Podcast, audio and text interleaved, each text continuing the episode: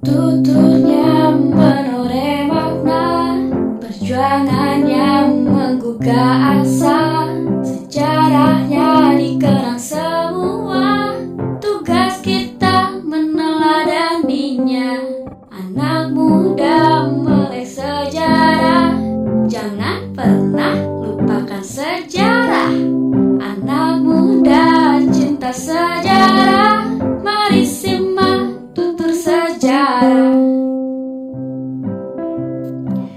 Halo sahabat edukasi, kita jumpa lagi dalam program Tutur Sejarah.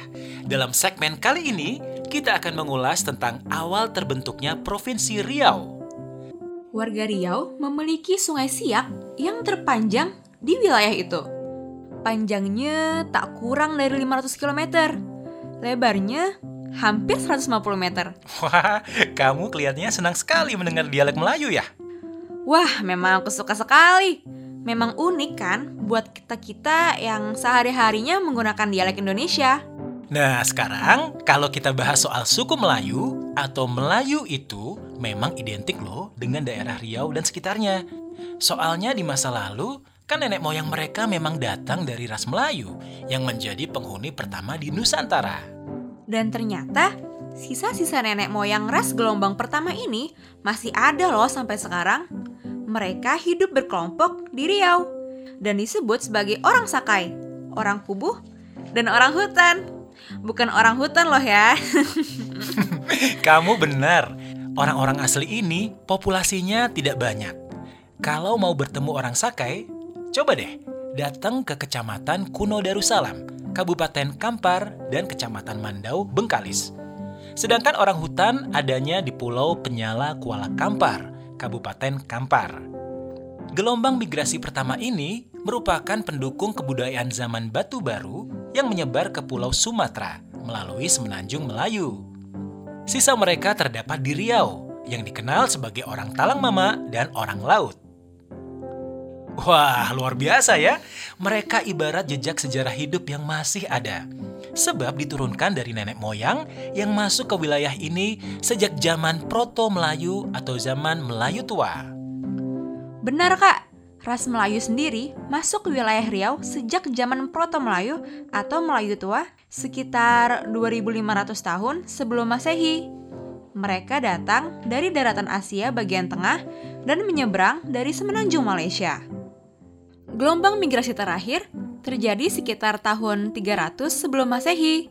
Kelompok ini telah mengalami beberapa pengaruh peradaban seperti Hindu, Islam, dan juga peradaban Cina dan Barat, meliputi Belanda, Inggris, dan Portugis. Etnik Melayu di Indonesia sendiri berasal dari bagian timur Pulau Sumatera. Tidak termasuk suku Minang dan Batak yang sama-sama mendiami wilayah Sumatera. Lucunya, soal penyebutan etnis Melayu di Indonesia berbeda kaidahnya dengan penyebutan etnik Melayu di Singapura. Kalau di Indonesia, sebutan etnik Melayu itu merujuk pada suku Melayu di Riau, Jambi, Deli Medan, dan Bugis. Tapi di Singapura lain lagi. Siapa pun yang datang dari kawasan Melayu, termasuk Indonesia, beragama Islam, dan beradat istiadat Melayu, maka disebut orang Melayu. Kecuali suku di wilayah timur seperti Maluku dan Papua. Meskipun mereka beragama Islam dan beradat istiadat Melayu, mereka tidak disebut sebagai orang Melayu. Unik ya? Iya, unik sekali. Dan dahulu, populasi Melayu di kawasan Riau itu membentuk beberapa kerajaan, seperti Kesultanan Bintan, Kandis, Siak, Indragin, Lingga, Malaka, Rokan, Siak Sri Indrapura, Kampar, Pelalawan, dan Singingi. Sampai sekarang keturunannya juga masih ada dan bisa ditemukan di wilayah daerah aliran sungai-sungai besar di dataran Sumatera bagian timur.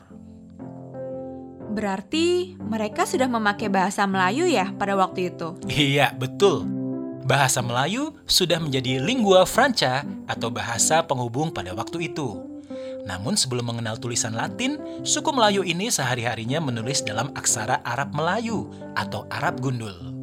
Baru setelah muncul tokoh-tokoh pemikir, budayawan, dan sastrawan Melayu seperti Raja Ali Haji, tata bahasa dan aksara Melayu mulai distandarisasi dan dibakukan.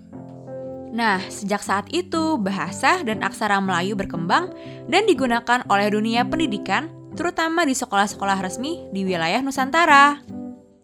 Hmm, sekarang aku paham nih. Kalau asal mula nama Riau, kamu tahu juga nggak sejarahnya? Menurut sejarawan Riau, Aswandi Syahri, ada beberapa versi kisah di balik nama Riau. Riau di peta lama ditulis dengan ejaan R-I-O-U-W, Riau, merupakan negeri kembar Kesultanan Johor Pahang. Menurut buku Tufat Al-Nafis, karya Raja Ali Haji, Sungai Carang telah menjadi denyut nadi perdagangan Melayu sejak tahun 1672. Riuh orang bekerja membangun kota baru yang belum bernama itu, menginspirasi sebuah nama untuk kota tersebut, yaitu Riau, artinya riuh atau ramai. Sebuah wilayah yang terletak antara Pangkal Pinang dan Pulau Penyengat. Nah, sahabat edukasi, kami sudahi dulu ya jejak sejarah suku Melayu di tanah Riau nan elok peninggalan sebuah peradaban yang tinggi di wilayah perairan Selat Malaka. Semoga bermanfaat ya. Ikuti terus episode tutur sejarah selanjutnya hanya di Suara Edukasi yang akrab dan mencerdaskan. Dengan alamat streaming suaraedukasi.kemdikbud.go.id. Kami pamit undur diri dulu ya. Sampai jumpa di lain kesempatan. Dah. Dadah! Anak muda cinta sejarah Mari simak tutur sejarah Gerakan Melek Sejarah. Anak muda melek sejarah. Gemes, gemes, gemes. Tuturnya menoreh makna Perjuangannya menggugah asa